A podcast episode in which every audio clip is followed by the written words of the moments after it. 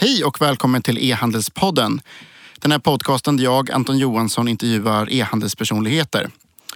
Eh, tack för att ni lyssnar på podden och fortsätt gärna komma med feedback både på e-post och som kommentar på, eh, på blogginlägget som jag har på e-handel.se för varje podd. Eh, idag har jag intervjuat en eh, jätteduktig entreprenör som heter Alexander som har startat Let's Deal bland annat. Eh, han har sålt två bolag och precis har börjat affärsängla. Eh, och Let's Deal eh, omsatte 130 miljoner nu och eh, gjorde nästan 40 miljoner vinst nu när han gick vidare. Så att det är en väl värd lyssning. Eh, missa inte det. Först vill jag bara tacka vår huvudsponsor Klarna. Klarna är ju det här betalföretaget som alla vet vilka de är såklart. Eh, och med all rätt.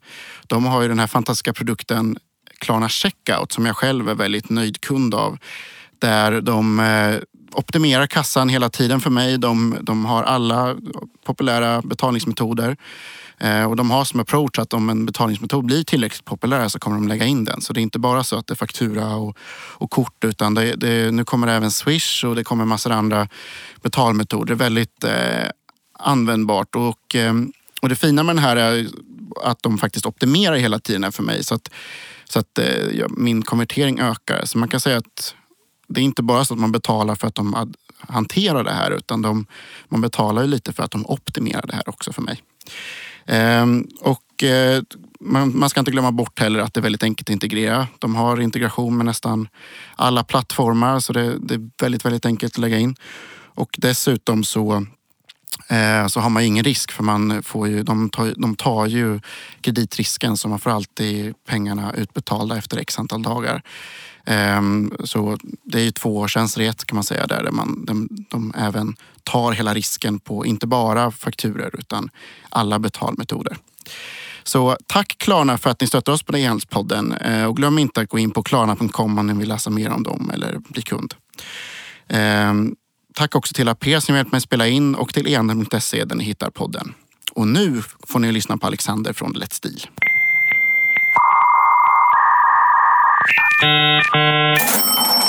Hej och välkommen till E-handelspodden Alexander Hars. Tack och kul att vara här. Um, ja, jag tänkte du får väl börja med att berätta lite kort om dig själv. Du, du låter lite Göteborgs kanske. Jag vet inte om jag, om jag har rätt i min analys. Ja, eller egentligen är det väl kanske 10 mil norr om Göteborg. Det är en liten by som heter Munkedal. Där är jag född och uppväxt. Men flyttade till Göteborg när jag började på Chalmers när jag var 19 år, 97. Och sen har jag blivit kvar där. Och då har jag ju gjort allt för att få bort den här Munkedalsdialekten. Ja, jag kan nog inte känna skillnaden tror jag. Så, Nej, vad bra. Men eh, du, eh, du började på, eh, på Chalmers. Vad pluggade du där? Det fanns väl egentligen bara ett alternativ för mig och det var ju att plugga någonting som hade med data att göra, för jag gillar att programmera. Och gjorde det ja, sen högstadiet och framåt. Och eh, då var det datorteknik som fanns på Chalmers vid den tidpunkten. Så då, då, var, då var det mitt val. Och jag har väl aldrig sett mig som en ingenjör. Jag är helt kass på att bygga saker, men, men mjukvara känns liksom lite behagligt. Man får sitta och skriva lite text på ett papper och så kompileras det och så blir det någonting. Eh, och det passar mig rätt bra. Så det var själva programmeringen som var det roliga så att säga? Ja, det var det. Ja. Programmering och problemlösning. Det var väl det jag fastnade för där på högstadiet. Man började i Quick Basic och modifiera lite olika färdigkompilerade, färdiga program och spel. Testa sig fram och sen, sen ledde det väl det ena till det andra och jag började programmera demos på demoscenen på 90-talet i en PC-grupp som hette Orca. Och ja, det var jättekul. Det gjorde vi på kvällar och helger och all ledig tid. Och sen så kände jag att ja, kan man plugga och hålla på med det här också, det är ju fantastiskt. Så då, då blev det flytta till Göteborg och till Chalmers. Kul! Men hade du redan då när du gjorde de här, den här, var i, i den här demoscenen på kvällarna, var, var du redan då inriktad på att kanske kunna jobba med det här sen? Eller var det bara en dröm som... Nej, jag, för mig var det, jag hade nog inte tänkt så långt. Det är väl, det var inget som jag hade tänkt, jag tror nog inte ens man kunde jobba med detta. Men, men den stora drömmen då var väl kanske att någon som kommer på ett demoparty när man satt i någon, någon sporthall någon sen lördag eller, eller söndagnatt som kommer och säger att men vänta nu, du verkar ju duktig på att programmera. Ska inte du börja komma till vårt spelföretag och utveckla spel åt oss? Så det var väl någonstans här min dröm och många med mig drömmar att bli upptäckt av något spelbolag där i mitten på 90-talet och få komma och programmera spel. Och dessutom kanske då få betalt för det, men det var, det var framförallt inte det man tänkte på. Så att, eh, var, det, var det så att programmeringen och hela den här grejen var betydligt mer intressant än internet i sig självt? Du var inte så mycket, du var, eller var du tidigt ute på internet också och, och hängde där så att säga? Ja, alltså det, vi var väl mycket på, på BBSer. Eh, det var ju lite innan det fanns något internet att ringa, eh, och, och, och ringa till. Utan så det var mycket på BBSer runt omkring i, i Sverige framför allt. Och ibland så lyckades man kanske hacka någon telefonbox och kunde ringa även internationella BBSer. Men det var mycket, mycket ringa med, med modem. Sitta hemma på kvällarna, be, be mamma och, och syrran och inte lyfta luren för nu är det, nu är det jag som ringer. Eh, och sen eh, såklart så kom vi väl, när vi började gymnasiet det 94. Då var det då man kom i kontakt med internet på allvar för då hade de en snabb uppkoppling och sådär. Men du började inte med att bygga sajter direkt och sånt? Då, eller? Nej, jag höll kvar med programmeringen. Jag, och, och på den tiden så programmerade man då var det ju liksom, programmera var ju att man liksom byggde en, en mjukvara kanske för, för Windows eller, eller ja, för, för Mac, men för min del eh, Windows. Och så var det liksom en, en boxad programvara som man installerade på sin dator. Det var inte så mycket internet överhuvudtaget. Så jag, jag höll mig nog kvar med den liksom, traditionella programmeringen och programmera datorn. Mm. Och vad, eh, hur gick det sen på Chalmers då? Vad, vad, du gick där, du trivdes och hur, hur kom Mm. du vidare därifrån sen? Jag tyckte det var kul att, att plugga eh, där och jag träffade också där. Det var, tog väl ett halvår ungefär. Eh, på, vid jul 20, 97 så ringde Lars Karlsson, min vapendragare sen dess. Han ringde mig och sa Alexander, jag har ett, eh, ett programmeringsuppdrag som jag har fått. Och det är mer jobb än vad, vad jag själv klarar av. Och vi kommer få 50 000 kronor för det jobbet. Skulle du vilja hjälpa mig? Och så tänkte jag så här, shit, kan man få betalt för att programmera och 50 000 det är rätt många pizzor. Så ja, det, absolut, det gör vi. Så att eh, då, eh, då började jag plugga, eller jobba där tillsammans med honom parallellt med studierna. Det gjorde vi under hela studietiden och byggde säkerhetsprogramvara för skolor för ett eh, företag här utanför Upp, Uppsala, Knivsta. Och det var kanon att göra det på, på, på ledig tid. Slapp man ta studiebidrag och jag lyckades väl ta mig, ta, ta mig igenom skolan och sen när jag var klar Eh, så jobbade jag lite för dem eh, på heltid. Men jag insåg väl ganska snabbt att det var... Jag blev lite understimulerad och jag ville kanske hitta på någonting eget då. Så, ja, och då startade jag och Lars ett, ett bolag tillsammans. Och eh, vad, var det så att säga, hade ni, var det så här first thought liksom? Tänkte ni direkt att ni skulle starta bolag? Du tänkte inte att du bara skulle skaffa ett nytt jobb eller sådär utan? Nej, nej, det tänkte jag väl inte riktigt på. Men, och jag vet inte, vi hade, vi, vi, det var väl snarare så här att vi tänkte, vi kanske inte tänkte på att vi skulle starta bolag utan vi tänkte mer så här, vänta nu, vi har kommit i kontakt med en teknik här under ett antal år som är väldigt spännande. Det var en teknik, eh, filsystems drivrutin, ett filter som ligger mellan tangentbordet och hårddisken som lyssnar på vad som händer. Eh, den tekniken hade Microsoft och den hade vi jobbat med under ett par år och den var ganska speciell teknik. Det var väldigt få i världen som jobbade med den. Det var framförallt antivirusbolag. Eh, Men det var, vi var kanske 40-50 utvecklare i världen som jobbar med den tekniken och vi kände väl med den där tekniken så kan man göra andra saker än vad vi hade gjort för det här bolaget eh, som vi hade utvecklat åt. Och det var väl mer det, då var det mer det, okej här har vi, vi kan göra, skapa en ny produkt med den här tekniken. Ska vi inte se om vi kan göra det?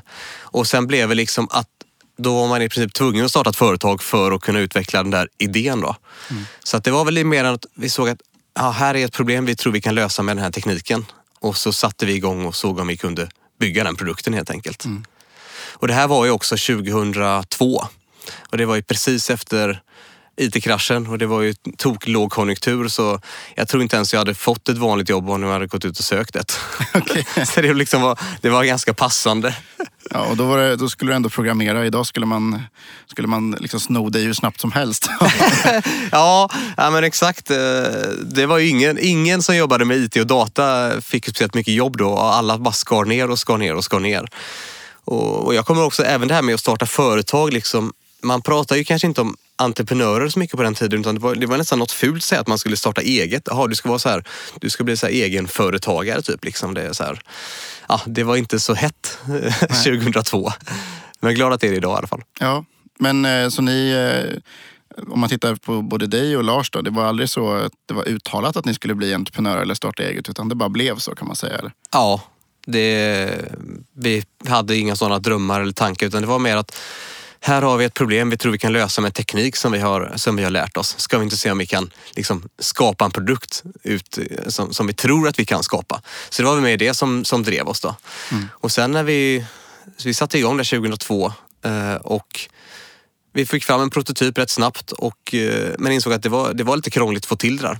Men det tog kanske ett och ett halvt år innan vi fick till produkten. Och lite kort om vad det var den här, den hette Back on Track, eh, hette, hette produkten. Den skulle egentligen ligga och, och ja, den skulle återställa datorn ifall den hade kraschat. Så om du som privatperson kanske har fått in ett virus eller ja, på den tiden installerar man ju programvaror. Idag kör man ju allting på nätet men, men förr så installerade man mycket programvaror och det var konflikter och det var blåskärmar och sådär på Windows. Och då kunde vi liksom backa tillbaka bandet väldigt snabbt. Typ som en, en, en tidig Time Machine på Mac till exempel eller System Restore på Windows. Då. Så vi fick, vi fick fram en sån produkt som funkar hyfsat och då var det så här, då flyttade man fram ribban och sa, ja, men tänk om vi bara kan få en kund att betala för det här. Och sen när man fick den första kunden att betala, tänk om man kan få hundra kunder att betala. Och jag minns att någon tänkte så här, om vi kunde få tusen kunder att köpa den här, då har vi verkligen lyckats. Då har vi liksom uppnått målet och då kan man liksom gå vidare. Eh, men, men man flyttar hela tiden fram sina mål. Men det började väldigt smått och, och eh, småskaligt och vi hade liksom ingen idé om att vi skulle ta över världen med, med den här produkten. Det var inte den här eh, starta nästa Skype liksom, utan det, det var... Det var Nej, mer... det var bara, här har vi ett problem vi tror vi kan lösa med en spännande teknik. Nu ser vi om vi kan göra det. Och sen så man fick fram produkten var det så här, ah, men ska vi inte se om någon vill betala för den också? Och sen när någon hade betalat för den, men kan vi inte se om vi kan få ännu fler att betala? Mm. Och så flyttade det sig framåt och framåt lite grann då, hela tiden. Och hur gick det sen då? Ja, det var upp och ner. Det var en bumpy ride som jag tror det är kanske för, de, för många som driver bolag. Ibland eh, känner man sig som en kung och är på toppen efter något bra möte med någon kund eh, och nästa dag så kan man vara helt förstörd och tro att hela världen går, går sönder för att då är något som inte funkar produkter eller någon leverantör eller någonting annat som har ja, skojat till det lite. Då. Men eh, vi fick ju fram en produkt som funkar, men vårt problem med, med System OK som bolaget hette, det var att vi inte riktigt förstod hur vi skulle sälja det här i volym. Så vi testade ganska mycket olika saker. Allt ifrån att försöka sälja det till mindre IT-återförsäljare som i sin tur då skulle sälja det vidare till sina kunder som de hade serverdrift för. Eh, till till internetcaféer där man skulle ha det här installerat så varje gång det kommer en ny besökare så skulle datorn vara ren och fräsch. Eh, och vi testade att sälja till storföretag. Eh, det funkar inte med liksom fem personer i Göteborg som skulle supportera Volvo i hela världen. Så att vi, vi, vi hade lite svårt att hitta fram. Eh, men till slut så hittade vi det som blev vår förlösande kanal och det var hem-PC som fanns. Det här var 2004. 2005 där och då fanns fortfarande hem-PC-reformen i Sverige där man som om man hade ett arbete så kunde man få köpa sin dator via sin bruttolön. Så det var i princip som att köpa en dator för halva priset. Eh, och många, det var hundratusentals datorer varje år som gick ut genom den kanalen. Det var så många fick en dator i hemmet. Det var inte via ja, Mediamarkt och Siba. Och eh, vi lyckades hitta ett antal återförsäljare där som stod för väldigt stora volymer. Och vi lyckades övertyga en del av dem att Back on Track det var en produkt som de borde ha med i sitt hem-PC-paket för det är bra för den anställde. För de kanske inte kan så jättemycket om datorer och då slipper de, får de problem så trycker de på den här hjälp mig-knappen, ta mig tillbaka till när det funkar. Och så slipper man ringa till kundtjänst och, och sådana saker. Då. Så att eh, till slut så fick vi fick vi en sån aktör och eh, haka på. Det fanns bara tio. Eh, ettan var inte så intresserad, eh, tvåan var lite intresserad men trean högg efter ett par möten.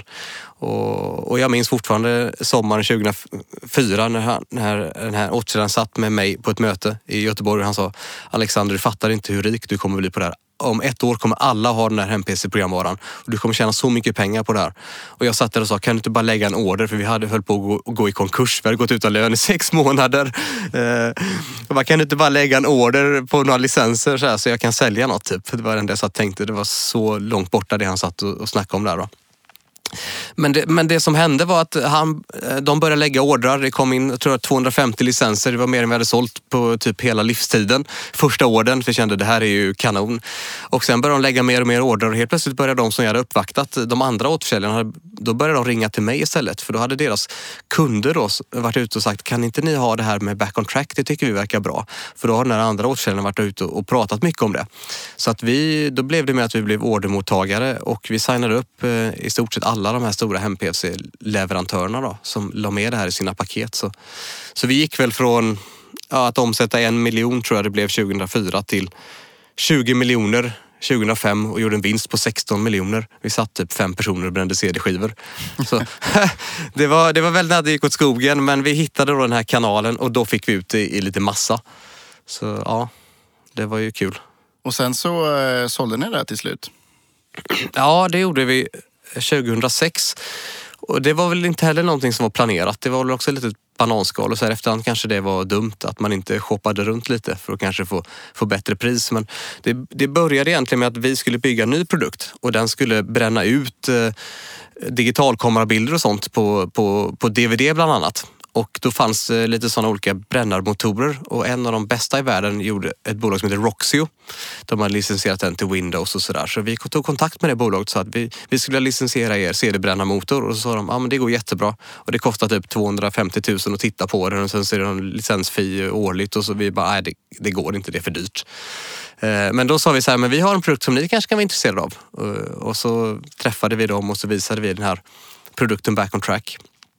Och efter nio jobbiga månader så till slut så gjorde vi en affär tillsammans med dem då, där de köpte bolaget hösten 2006.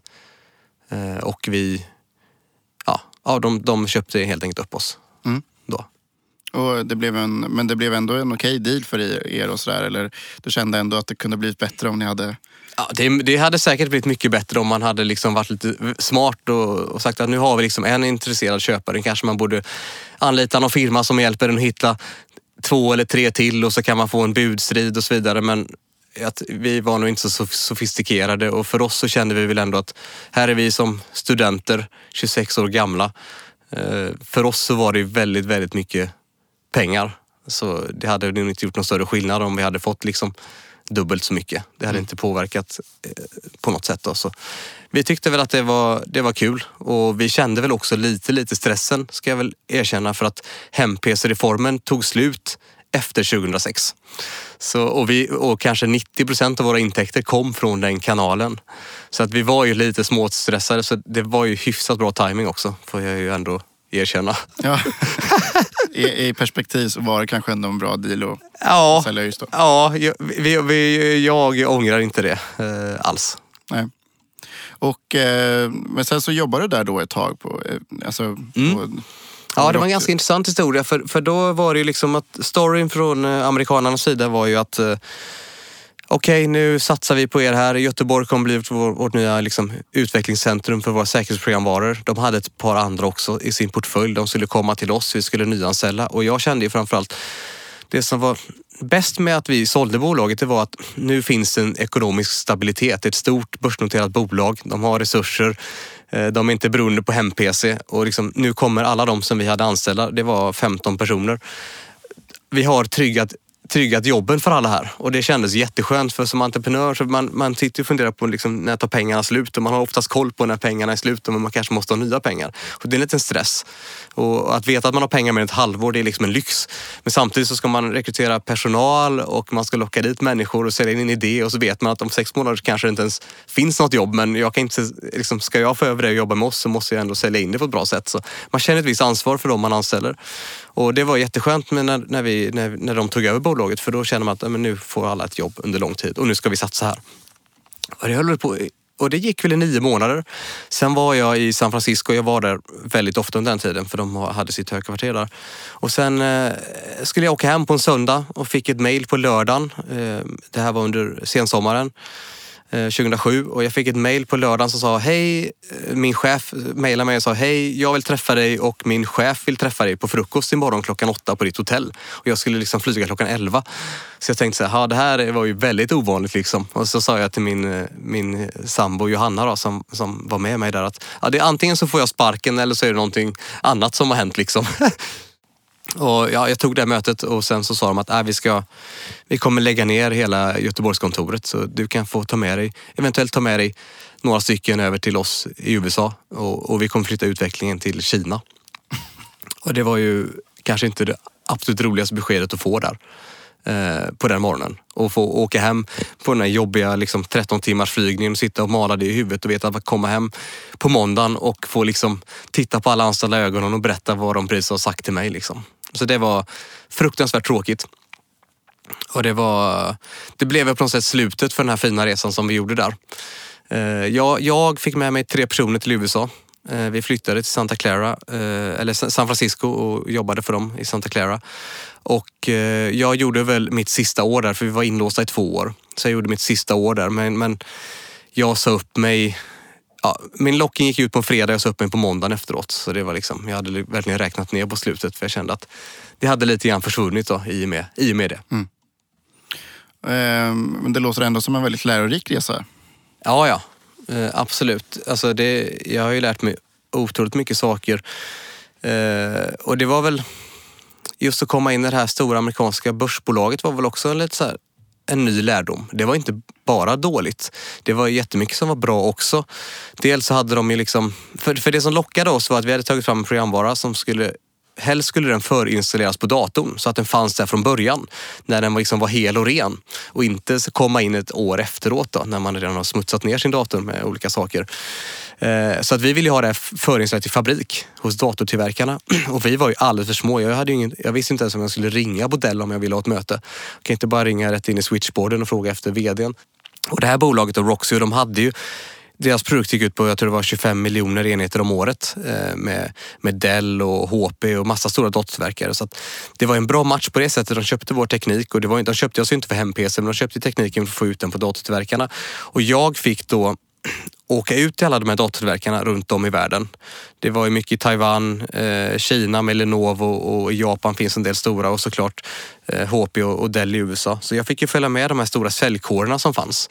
Och det är liksom en fördel när man är så stor att jag kunde ju bara åka runt på en sån här liten turné som lite så här produktägare och följa med de lokala säljarna och få träffa alla de här rätta personerna och få pitcha in liksom min bebis på något sätt. Och det var ju fantastiskt roligt och lärorikt att lära sig och, och kanske hur man gör affärer på, på andra ställen också. Mm. Uh, så vi fick väl, uh, ja, många, många uppköp kan ju bli katastrofer. Jag skulle väl kanske ge det här en, en sexa på en 10-gradig skala om man ser det ur Roxys perspektiv.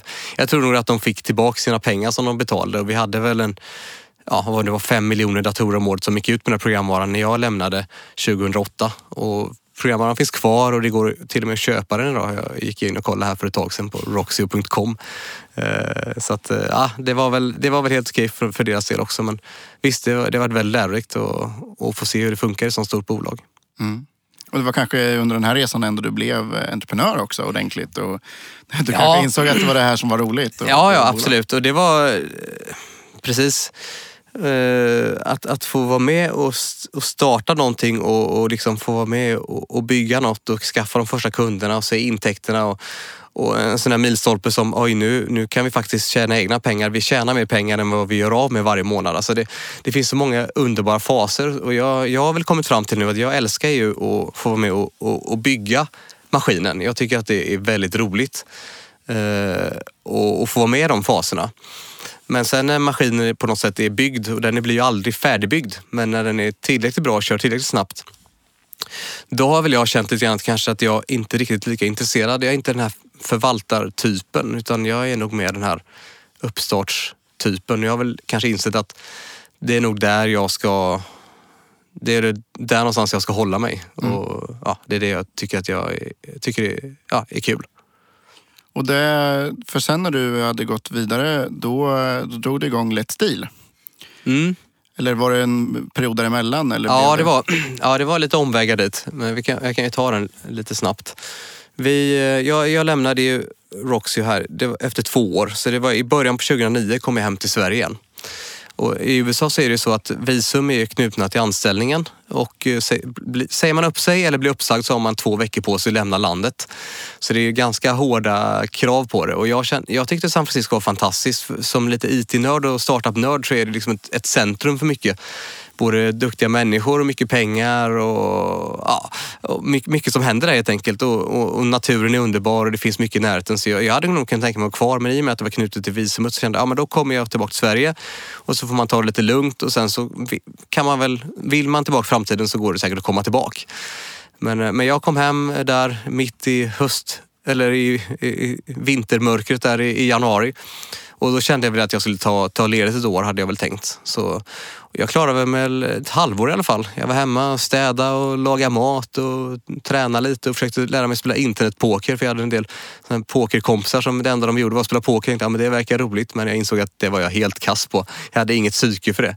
Jag, jag tyckte att det var lite alltså, anal analytisk och logisk. Det var väl ganska bra på men jag hade inte psyket. Så, och när jag började, liksom, när jag tyckte att jag fick en bad beat, liksom, när jag hade spelat rätt men ändå inte vann, då blev jag så helt konstig och så började man spela dåligt istället. Så jag, jag lärde mig att det var, det var inte min grej. Man måste ha ett mycket bättre psyke än vad jag har för att spela eh, online-poker. Eh, men eh, det var någonstans här framåt sommaren så kände jag att ah, nu, nu börjar det bli lite tråkigt att bara, bara gå hemma. Nu skulle man vilja hitta på något. Och, och lägligt nog då så kom, kom Lars eh, hem eh, där mitt i sommaren. Han var kvar lite längre än mig för han gillar att surfa så han tyckte väl att det var kul att, att vara i San Francisco ett tag till. Då. Men han kom hem där och vi träffades på ett café och sa så här det var ju så himla roligt att starta företag ihop och bygga företag. Och en gång är ju tur. Ska vi inte se om vi kan göra någonting igen? Och så tyckte Lars att ja, men Jo, men det kan vi väl göra. Och där någonstans så såddes väl fröet till att vi skulle jobba ihop. Men vi hade ingen aning om vad vi skulle göra. Så det var totalt omvänt från hur man kanske ska göra och, och från hur vi gjorde första gången där vi då hade liksom en, en, en, ett problem vi ville lösa med en teknik. Liksom ganska tydligt vad vi ville göra för produkt men nu var det mer så här, ah, men det var ju så kul att starta företag och ska vi inte se om vi kan göra det en gång till? Så att vi började väl egentligen bara leta, leta idéer då under hösten. Och då gör man som man alltid gör. Man läser på alla sajter, eh, tittar på vad, vad investerar tidiga riskkapitalister och affärsänglar i och försöker liksom fundera på vad som kan vara bra och dåligt. Och vi fastnade väl då för en privatekonomitjänst. Det fanns ett bolag i USA som hette Mint.com. Mm. Och I den vevan ungefär så, så blev de uppköpta av Intuit. Dels så vann de var det Techcrunch 50 tror jag det hette på den tiden. Det heter Techcrunch Disrupt idag. Och sen gick det rätt bra för dem och de blev uppköpta av uh, Intuit för rätt mycket pengar. Och det var en ja, det var egentligen Lyxfällan som, fast på nätet och idag finns det både Tink och Kapital som gör något ja, åt det hållet i alla fall. Men det var det vi, vi, vi ville göra en sån tjänst då. Vi kallar den för Mynto. Eh, och den skulle helt enkelt hålla koll på hur du spenderar dina pengar och utifrån det så skulle den ge dig sparförslag på dels abonnemang och andra typer av tjänster. Eh, försäkringar, eh, el telefon. Eh, men också skulle den ge dig riktade rabatter utifrån ditt köpmönster eftersom vi då kunde se var, var man lägger sina pengar. Så skulle man kunna ge riktade rabatter. Lite, lite det som Rap idag har gått åt i sin pivot eller sin omlansering kan man säga. Mm. Så det var liksom den idén vi skulle göra. Och det körde vi igång. Vi, vi tog in eh, några affärsänglar och vi flyttade in i en lokal och ja, i början på januari 2010 så liksom, då satte vi igång och började bygga. Och sen så, eh, så drog ni igång det, men eh, när, när blev det så att säga Let's Deal istället? Ja, det, var, det, det blev... Så här, vi såg under... Dels när vi bodde i USA så hade det börjat växa fram. Det fanns något som hette Voot som hade funnits länge som var på produkter. Det fanns Groupon och det fanns Living Social. Så det började poppa upp sådana här kollektiv köpkraftsfenomen. Och man läste om hur mycket investeringar de fick i de här bolagen. Man kände att det här händer någonting. Och ett av de här benen som vi hade på, på Mynto var ju att man skulle ge rabatter utifrån liksom hur man la sina pengar. Men då kände vi så här, mm, men det här kanske kan vara en idé. Det är visserligen inte riktade rabatter, men det är, det är rabatter som alla verkar tycka om och väl, det väx, verkar väl, växa väldigt snabbt. Så vi kanske ska göra det här som ett litet eget ben och så tar vi in lite användare där. Och efter, och när de har kommit in på Let's Steel då, så sen flyttade vi över dem i privatekonomitjänsten, vilket var då det vi egentligen skulle göra. Så vi tog in en kodare i februari där 2010 som sa, hej kan du bygga en sån här, kan du bygga vår deal-site? Vi ska lansera den första mars. Så vi, satte, vi hade en kodare som kodade på Mynto och en kodare som kodade på, på Let's Deal. Men när vi lanserade den här sajten, och det blev nog slutet på mars innan vi lanserade den, Eh, kort efter det så kom eh, MyCityDeal in på marknaden. De kom in någon gång i april 2010. Det var väl Rocket Internet ja, det var som Rocket gjorde en eh, Groupon-kopia? Exakt. Eh, de hade ju också sett detta. Eh, och, och de var väldigt aggressiva. Det var dels ganska mycket pengar, de var uppbackade av Kinnevik bland annat. Och sen var de extremt snabba och, och duktiga. Så vi kände väl där redan i april att äh, vi får nog glömma det här med mynt och privatekonomitjänsten. Utan ska vi liksom vara med i det här racet så får vi nog satsa på, på Let's Deal. Eh, och det var väl ett bra beslut så här i efterhand. Att hålla fokuset där ja. Ja, det, det, jag vet inte vad vi tänkte. Det, lät, det var nog väldigt spretigt eh, där ett tag. Jag förundras över att någon ens vågade satsa några, några pengar i oss. men eh, men vi, kom, vi, kom, vi tog vårt förnuft till fånga helt enkelt och det blev Let's Deal för hela slanten. Och vi kände väl också att det var ganska trögt att prata med bankerna. Det fanns väl ett visst intresse men vi kände att det skulle ta väldigt, väldigt lång tid att få, få upp den här privatekonomitjänsten.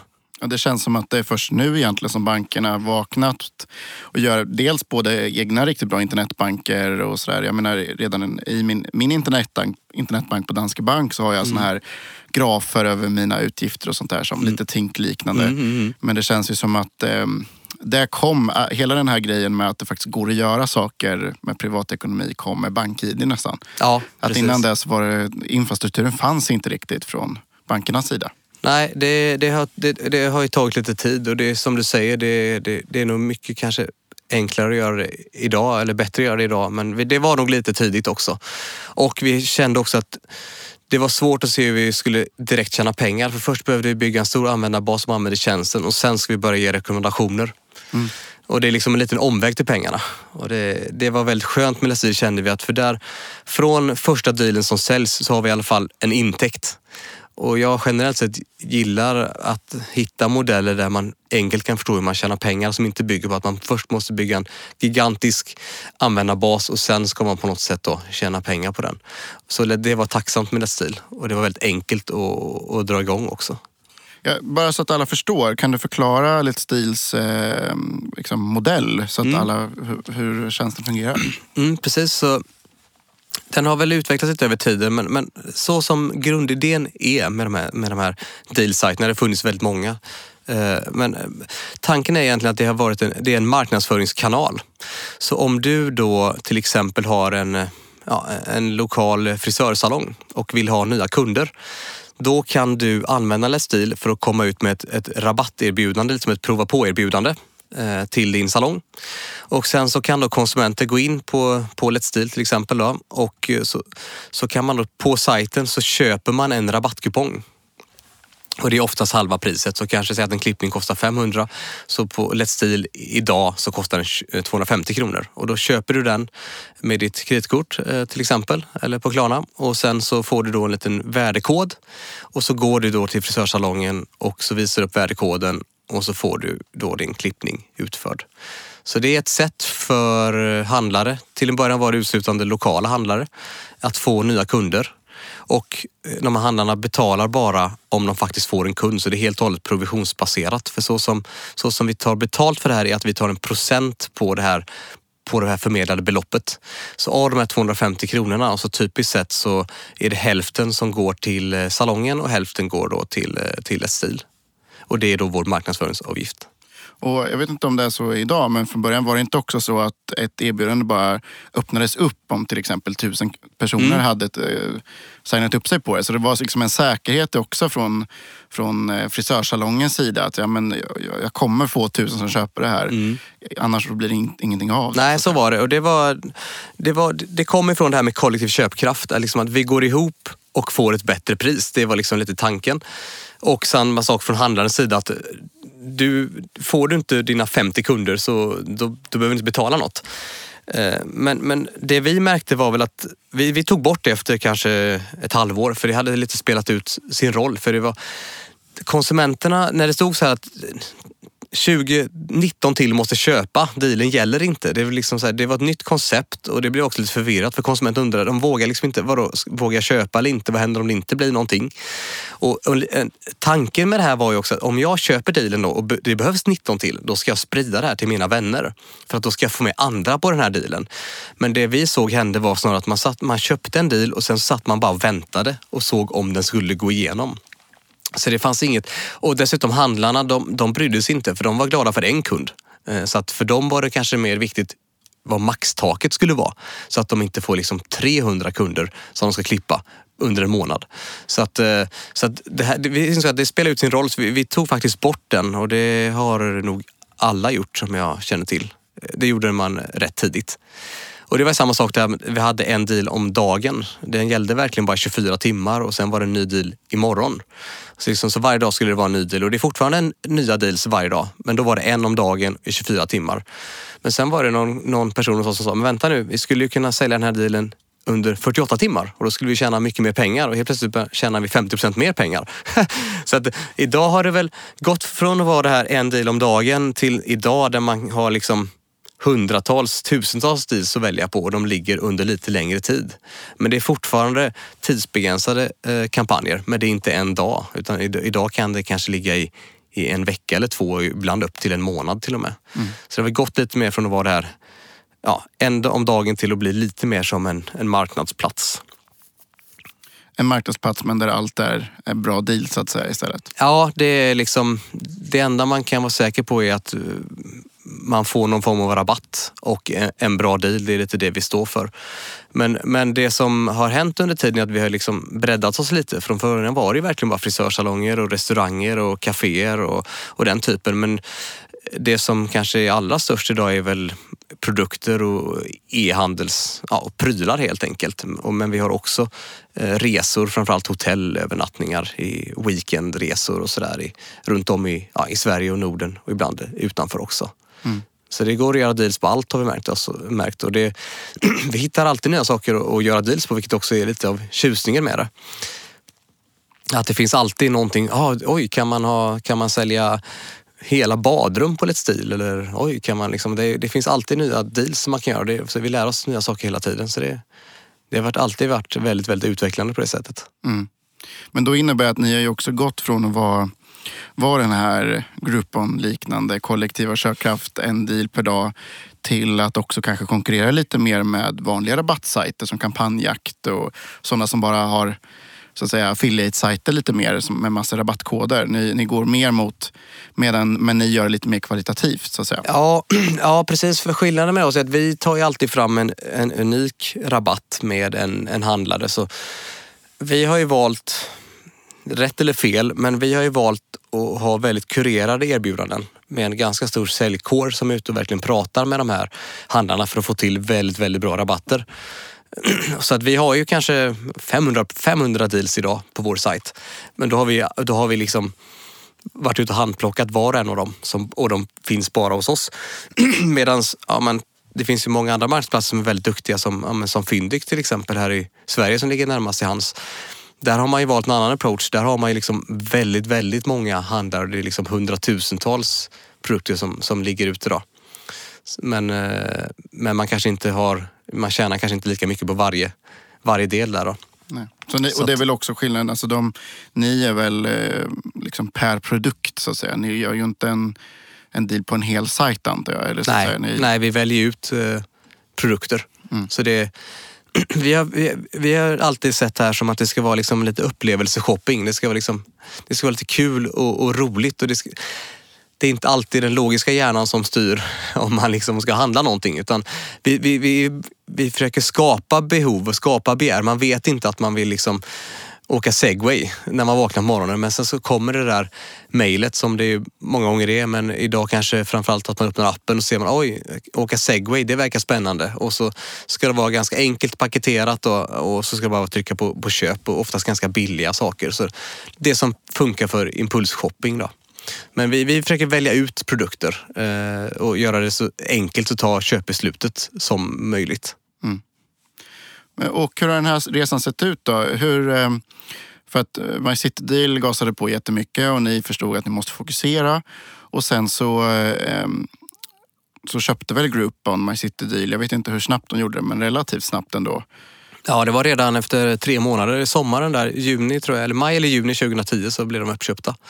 Så det var ju extremt snabbt. Mycket snabbare än vad vi hade trott. Men eh, ja, vi kände väl där i, i, någonstans, när de hade kommit in så såg vi, de syntes ju överallt på hela internet. Det, man mådde ju dåligt när man liksom skulle surfa runt på olika ställen. Utan de dök ju upp överallt. Man insåg att det här går ju väldigt fort nu. Och de tog sig snabbt in i många städer, blev, var väldigt, väldigt många anställda. Framförallt på säljsidan, så man var lite orolig. Så, så vi, vi, kände väl att antingen så, nu måste vi nu ta in antingen en riktigt duktig investerare. Vi måste ta in någon nu i bolag som hjälper oss att växa detta, annars så kommer vi att dö. Så, och vi började titta runt lite då och det som låg närmast till hans kände vi, det var väl att se om vi kunde hitta något mediaföretag som kunde teama ihop med oss. Som hade mycket ja, möjlighet att driva trafik online. Så vi var och pratade med ja, Stampen och Bonnier och Schibsted. Och jag visste inte ens vad Schibsted var och hade ju ännu svårare att stava till det Eh, då, 2010. Men vi träffade en kille som heter Rickard Sandenskog där som är investment manager och fick en väldigt, väldigt bra bild av, av, av Chipset Growth och av, av Rickard. Och vi började diskutera redan i april där och vi kände ganska snart att det här borde vara helt perfekt för oss att ha med dem på resan. Så efter mycket förhandlingar fram och tillbaka under hösten 2010 för att liksom sätta en, en, en deal som vi båda tyckte var bra. Så till slut där innan jul, december, så signade vi på och så tog vi in Chipset som, som delägare då, i Let's Deal. Och, och det var väl någonting som jag tror vi båda lärde oss lite grann av att vi... Det här var ju, det var ju lite landgrab där i början och, och My City Deal och de som sen blev Groupon, de de gasade på rätt bra under den här hösten. Och när vi satt och förhandlade där under de här månaderna så blev vi liksom rejält eh, omkörda av dem. Och de fick jättemycket medlemmar och, och började tjäna, liksom, få, få bra fart på, på intäkterna och sådär. Så att vi låg lite efter där i, i januari 20, 20, 2011 när vi kom ut i alla Chipsets stora kanaler. Man, man äger ju ja, Aftonbladet och Blocket och Hitta och Lendo och Prisjakt och TV Nu och ja, det finns, Gud och hans moster, de är ju väldigt starka på internet. Så att eh, när vi väl körde igång där så låg vi ju rejält efter. Men det var väl en lärdom som jag tror vi båda gjorde, att man får nog vara lite snabbare när, när det är sån här landgrab och verkligen se till att inte hamna på efterkälken för mycket, för det kostar väldigt mycket att äta ikapp det. Och det är väl någonting som jag kanske inte riktigt förstod då hur dyrt och hur lång tid det tar. Om någon har lyckats bli så top of mind så tar, så tar det väldigt mycket marknadsföringskraft och också energi eh, att faktiskt byta, ja, trumfa över den där ettan. Så att eh, vi, fick, vi har nog fått äta för det under, under ganska många år. Att vi liksom var lite sega där. Vi skulle nog varit lite rappare på det. Då hade vi haft en lite behagligare resa tror jag. Mm. Men då tog ni in Schibsted som delägare mm. och de investerade eh, mest mediekapital då? Alltså ni fick eh, annonsutrymme eller hur fungerade det? Ja, i vårt fall så var det bo, både och. Både och, ja. ja. Så Schibsted de gick in på, de tog en, ja, 37,5 procent av bolaget, så en ganska stor del. Eh, men det tyckte vi var okej. Eh, och det var både expansionsrörelsekapital rörelsekapital och, men det framförallt som vi var intresserade av, det var ju just med, alltså annonsmöjligheterna som fanns. Och eh, också där att om man är, är man en del av familjen så, så får man liksom komma in i värmen och man kan ligga och pumpa annonser och budskap år ut och år in. Så det är liksom inte så att efter ett halvår tar det slut utan är man med i familjen så liksom, då kan man ligga där och vara ganska uthållig länge. Och det var någonting som vi såg en rätt stor nytta av. För det funkar, ni får en del eh, annonsutrymme liksom i dealen men sen har ni, hade ni någon slags rabatt hela tiden om ni ville köpa mer? Så, eller hur funkar det rent praktiskt? Jag tror inte de har varit så här, Det är väl så här en liten hemlighet fast ändå inte. Men det finns ett system för hur man ska byta trafik med varandra som, som, inte, som är väldigt enkelt på pappret men det är förvånansvärt få andra mediebolag som har, har anammat det. Men, eh, men det, går, det, ja, det går ut på att, eh, eller det finns en kultur skulle jag säga inom chipset som säger att stora, stora trafikdrivarna då, de, eh, man hjälper dem som är små och blir större. Och sen när man själv blir större, då hjälper man till och ger tillbaka till dem som är små. Så det finns någonstans redan ja, framförallt skulle jag säga att på, på Aftonbladet och på Blocket så fanns det kulturen att göra det och sen har man liksom, så har det bara har man fortsatt på det sättet. Då. Mm. Så att eh, man, man får trafik eh, till liksom vettiga, vettiga priser. Och, och, och trots då liksom att de bara ägde 37,5 procent. Det, är inte, det är inte så att man blir jättenedprioriterat för att man inte... Nej, det finns ingen sån relation alls till ägarandel och hur mycket trafik man får. Eh, utan Dels så har man ju såklart ett bra system men sen är det ju som vanligt, ingenting kommer ju gratis. Man får ju lära känna rätt människor. Så liksom, tycker, gillar de personerna en och man har liksom vettiga förslag och upplägg så kan man få mycket, mycket tillbaka. Och jag har ju personer som är väldigt tacksam för att de, de också tyckte att det här var ett roligt koncept. Uh, och jag tror att många gillade också det här att vi, vi kom in, lite ett nytt koncept, men vi var, vi var lite underdogs mot den här stora amerikanska jätten och det var många som kände att ah, men då vill vi hjälpa er nu. Så jag tror att vi fick lite extra kärlek där i början. Och på 2010 så var det inte speciellt många bolag. Nu finns det lite mer bolag i portföljen och då är det liksom ja, trafikströmmarna växer ju såklart alltid men har man dubblat antal bolag som ska ha trafik då är det ju i princip så att man får hälften av trafiken var jämfört med att vara lite ensam. Så jag tror vi kom in i en, gynnsam tidpunkt.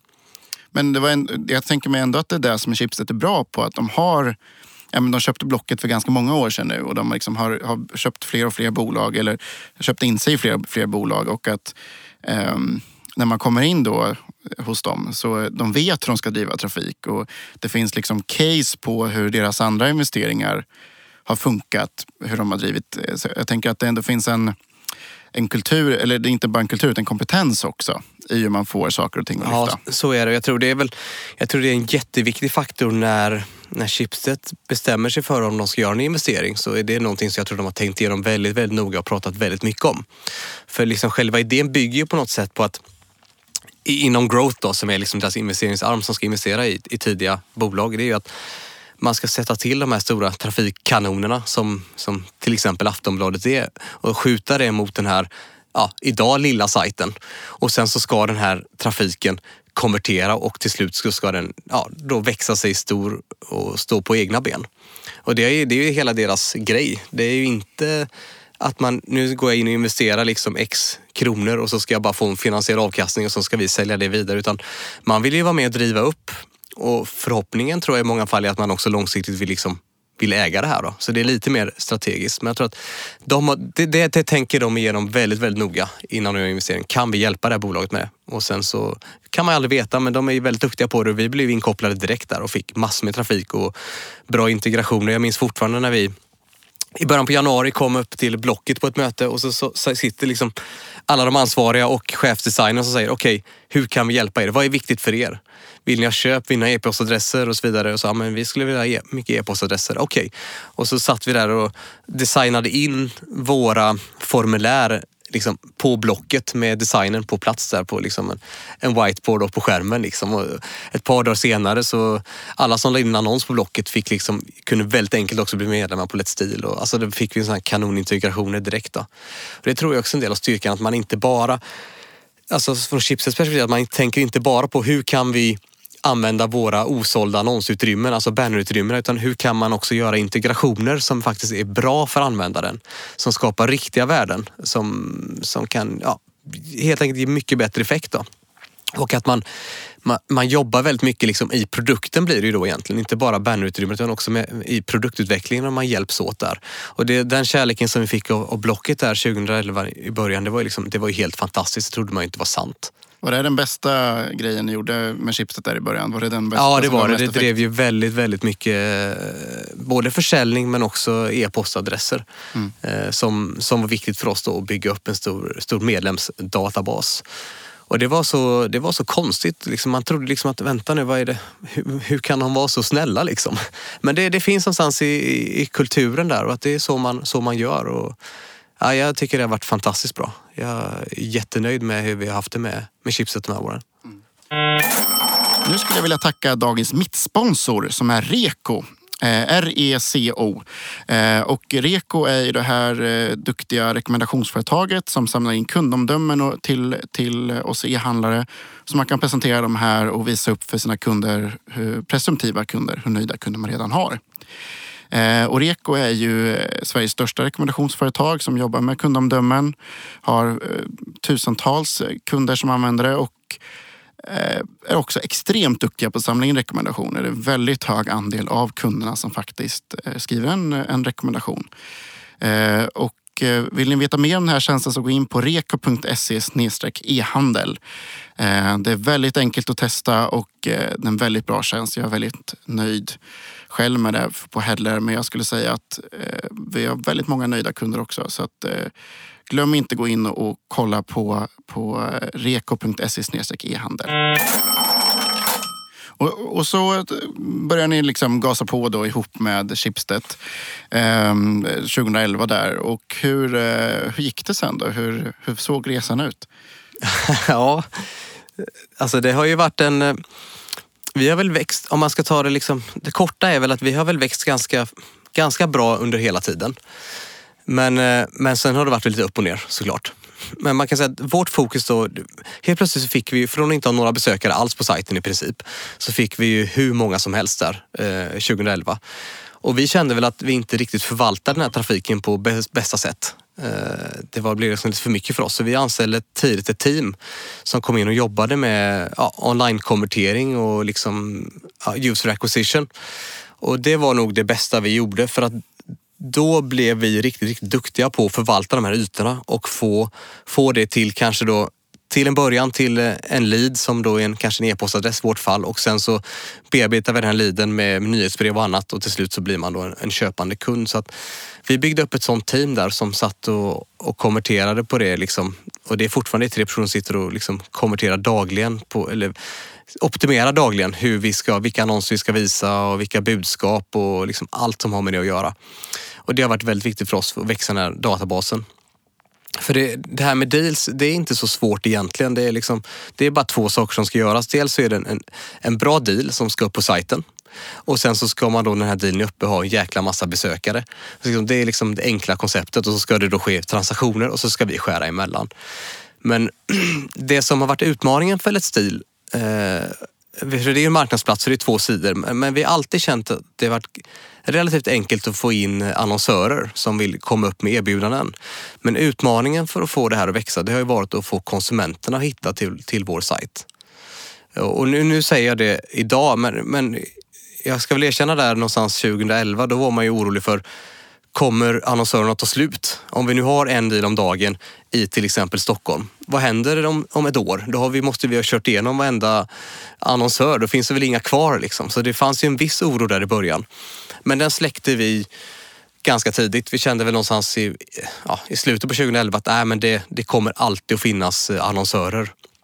För det vi märkte var att det var många som ville komma tillbaka och göra mer kampanjer. Så att det var, vi kände oss ganska trygga med att annonsörerna ville komma tillbaka och det fick vi ett kvitto på. Men sen så var det, det andra var ju liksom, okej okay, men, men hur många konsumenter kan tycka det här är intressant och vill man hålla på med det här eller köper man bara en deal och så tycker man aldrig det är roligt igen. Och det tog lite längre tid för oss innan vi liksom kände oss trygga med att det faktiskt funkar. Men, eh, men ja, överlag om man bara tittar på det utifrån så tycker jag väl ändå att vi har haft en ganska stabil resa uppåt. Jag tror att vi gjorde en och halv miljon kronor 2010, 17 miljoner 2011, 49 miljoner 2012, 89 miljoner 2013 och 129 miljoner 2014. Så liksom skulle, målar man upp eh, intäkterna så har det varit en hyfsat eh, stadig resa uppåt och det har hela tiden, hela tiden växt. Då. Och ni har aldrig tagit någon mer investering än Schibsted då? Nej, det var det som det behövdes inte någon mer investering och det är väl, det är väl kanske det jag tycker är mest stolt över. På något sätt har vi lyckats eh, balansera en, en relativt kraftig omsättningstillväxt. Men alltså, för det är svårt att... Det är det här... Ja, vi spenderade väl som mest kanske 3,5 miljoner kronor innan det började vända. Så, så vi satsade 3,5 miljoner men tog oss på den här tillväxtresan. Så vi var ganska vi låg ganska tajt på hela tiden. Vi försökte återinvestera allting i tillväxt men det blev liksom ändå lagom. Vi lyckades generera det med egna medel hela tiden. Eh, och det tycker jag, ja det känner jag att det är väl lite småstolt över att vi lyckades få till det. Mm. Men sen är väl, jag är väl lite sån där eh, små snål också och liksom vill, gärna, vill gärna se att eh, jag, får vi in 100 kronor så vill jag helst inte göra av med mer än 100 kronor. och då, då, får det väl, då växer det lite grann i den takten också. Men, eh, men, men tack vare chipset i ryggen också med, med liksom all, all annonsering och så där så har det lyckats växa rätt bra ändå. Men det hade kanske, om ni inte hade haft chipset, hade ni haft, eh, hade liksom så att eh, customer acquisition kostat mer då skulle jag säga. Så då hade det varit svårare att hålla den här, lö, den här lönsamma resan, man ska säga. Eller nästan Ja, det är klart att eh, man kan väl säga på något sätt att marknadsföringsposten i en resultaträkning blir ju lite dopad när man har med Schibsted. Så att eh, hade inte de varit med, då självklart då hade vi behövt resa pengar från någon för att köpa kunder. Eh, men nu kunde vi ju göra det relativt billigt via, via Schibsted. Men sen har vi ju självklart också använt, ja, Google har ju varit jätteviktig som för nästan alla bolag jag pratar med så är Google en fantastisk kanal.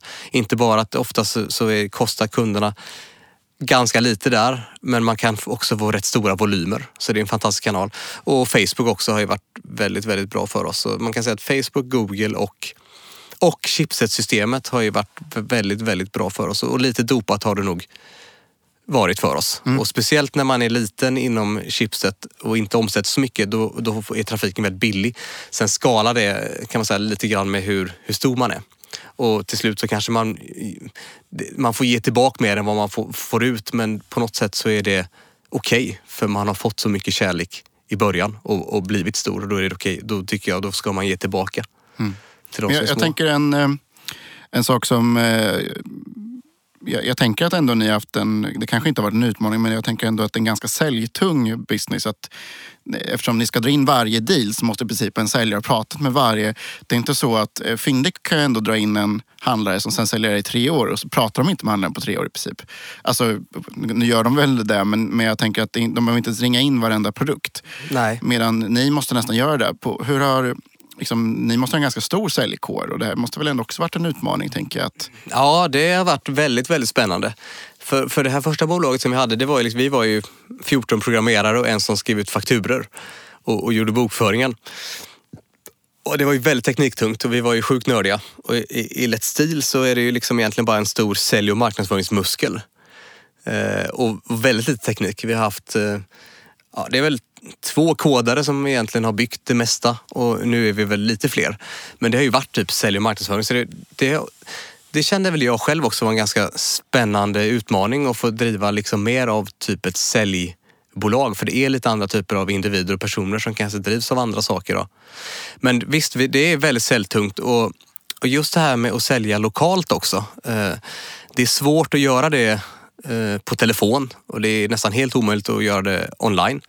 Eh, så att vi var ju tvungna, vi är tvungna att vara ute där och, och, och knacka dörr och kliva in i butikerna och säga hej, är det du som äger kaféet? Ja, vad trevligt, jag heter Alexander, jag kommer från Stil. Jag vill visa dig en sak som jag tror du- du kan ha nytta av. Alltså, man fick ju verkligen vara där ute och, varje dag och knacka dörr. Och, och det, så är vi uppbyggda och jag tror idag är vi i Sverige ungefär 80 personer och, och varav kanske 60, 60 på heltid. Eh, men hälften av dem jobbar med, med, med sälj som bara varje dag är ute och, och, och knackar dörr. Liksom. Så det är oerhört säljintensivt och det är, den, det är den dyraste kostnaden vi har för att, för att ta fram en deal.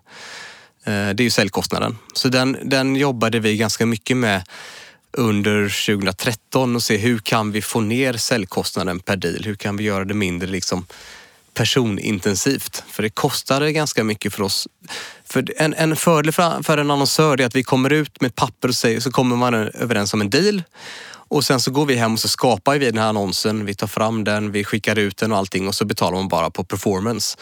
Så att vi vet ju vad vi har för kostnad för att ta in en deal, men vi vet ju inte hur mycket vi tjänar på den. Sen har man ju lite historik och lite tankar så man har ju en bästa gissning.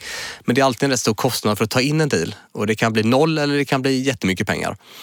Och eh, säljkostnaden där är den absolut dyraste. Så vi satt och funderade på hur kan vi göra det här lite smartare. Så vi, vi gjorde lite, fram till 2013 så var alla ute hela tiden och besökte kunder. Men i och med att vi såg att eh, ganska många kom tillbaka till oss som återkommande så la vi om vår modell lite grann. Så, så att vi hade va, men lite så här farmers och hunters. Så vi hade hunters som fortfarande var ute och hämtade in mycket nya kunder eller var med de absolut största kunderna. Och så hade vi då en hunter som var en mer typ av en innesäljare som satt inne och, och återaktiverade befintliga kunder och partners, och, alltså vi kallar dem för partners, återaktiverade befintliga, befintliga partners. Och då fick vi helt plötsligt mycket bättre hävstång i det. För då hade man kanske en säljare som var ute och träffade och fick in en kund. Och sen så hade vi en person satt inne som kunde i princip återaktivera via e-mail eller bara telefon. Och då har vi fått, fått lite bättre hävstång i det. Men det är fortfarande väldigt, väldigt arbetsintensivt. Så skulle, med den modellen vi har så är det liksom helt omöjligt att få upp 50 000 produkter på, på sajten. Då får vi göra någonting lite smartare.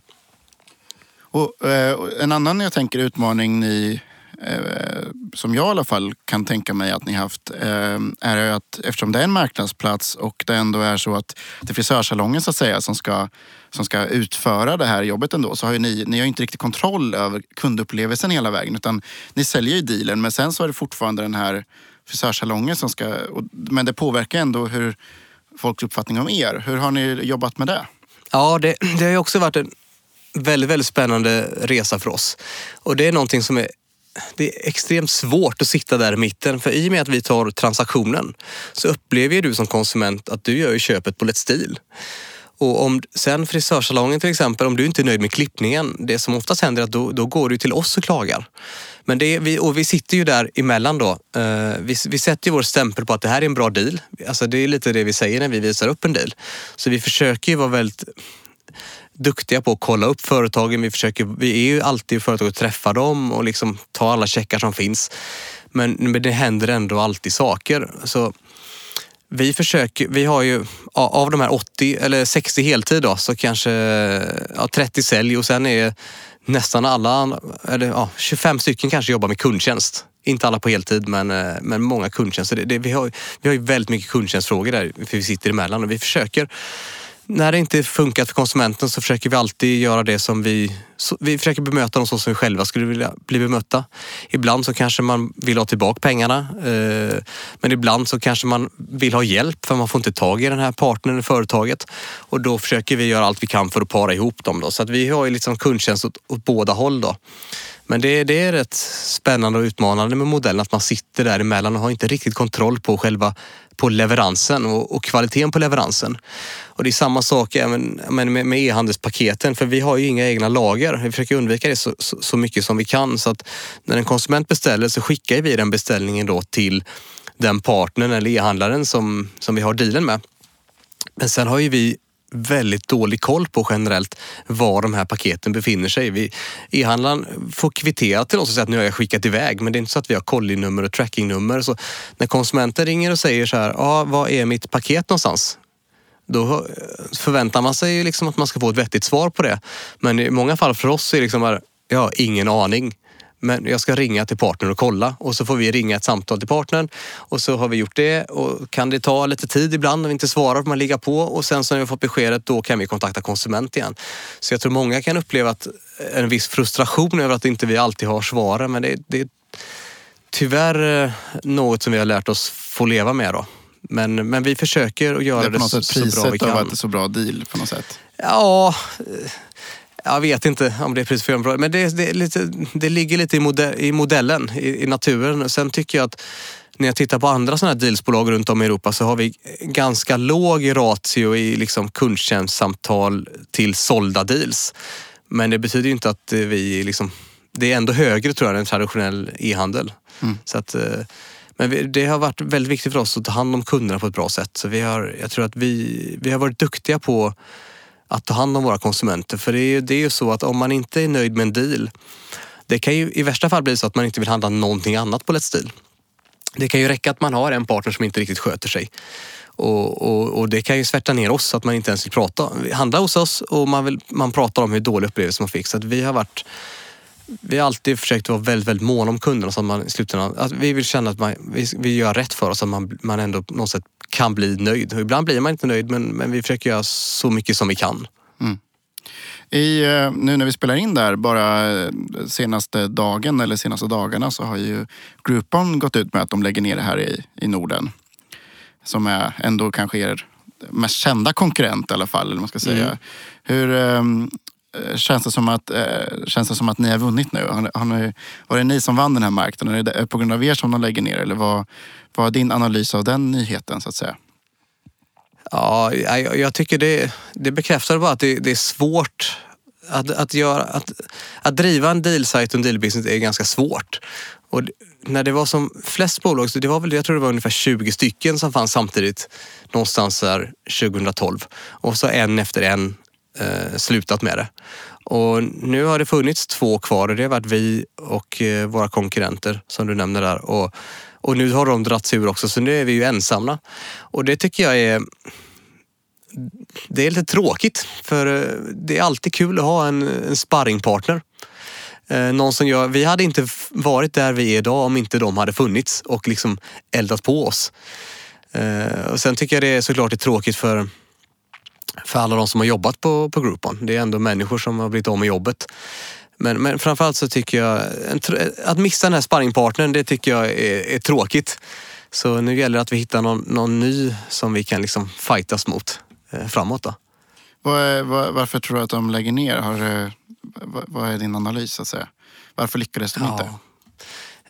Jag, alltså jag, jag har inte så bra koll på det där så jag, jag kan inte ha något vettigt svar.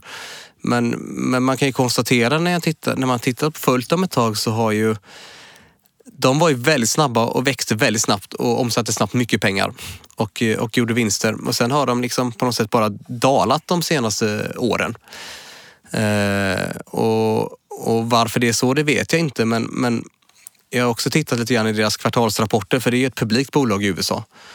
Och, och, deras, och, och, och det de lägger på marknadsföring, alltså den spänden som de lägger har ju minskat väldigt, väldigt mycket. Egentligen sedan 2012 och framåt. Det är nästan tror jag så att man kan lägga liksom intäkterna och marknadsföringsspenden bredvid varandra och så är det ungefär samma trend på det.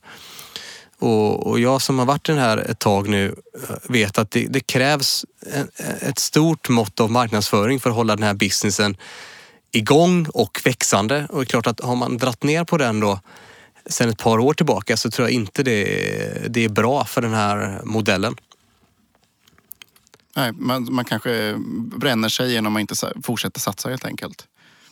Ja, jag tror, jag tror den här modellen så som, så som vi gör det idag och så som de flesta har gjort det så tror jag att man behöver ha ett, ett visst mått av, eh, av marknadsföring igång hela tiden. Mm. Kan inte bara dra ner den. Nej, och det är väl, eh, det är väl så för e-handlare och nästan alla typer av, av verksamheter där man ska sälja saker helt enkelt. Man, man- man måste få in kunderna också. Ja, det är det. Och, och, det är så här, vi trodde väl lite naivt i början att om vi bara får en e-postadress nu, då har vi ju den här kunden för livet. Och så, för nu kan vi ju kommunicera på e-mail. Men det är liksom inte riktigt så, så enkelt, utan man måste, man måste påminna kunden. Eh, och det är inte bara genom ett e-mail.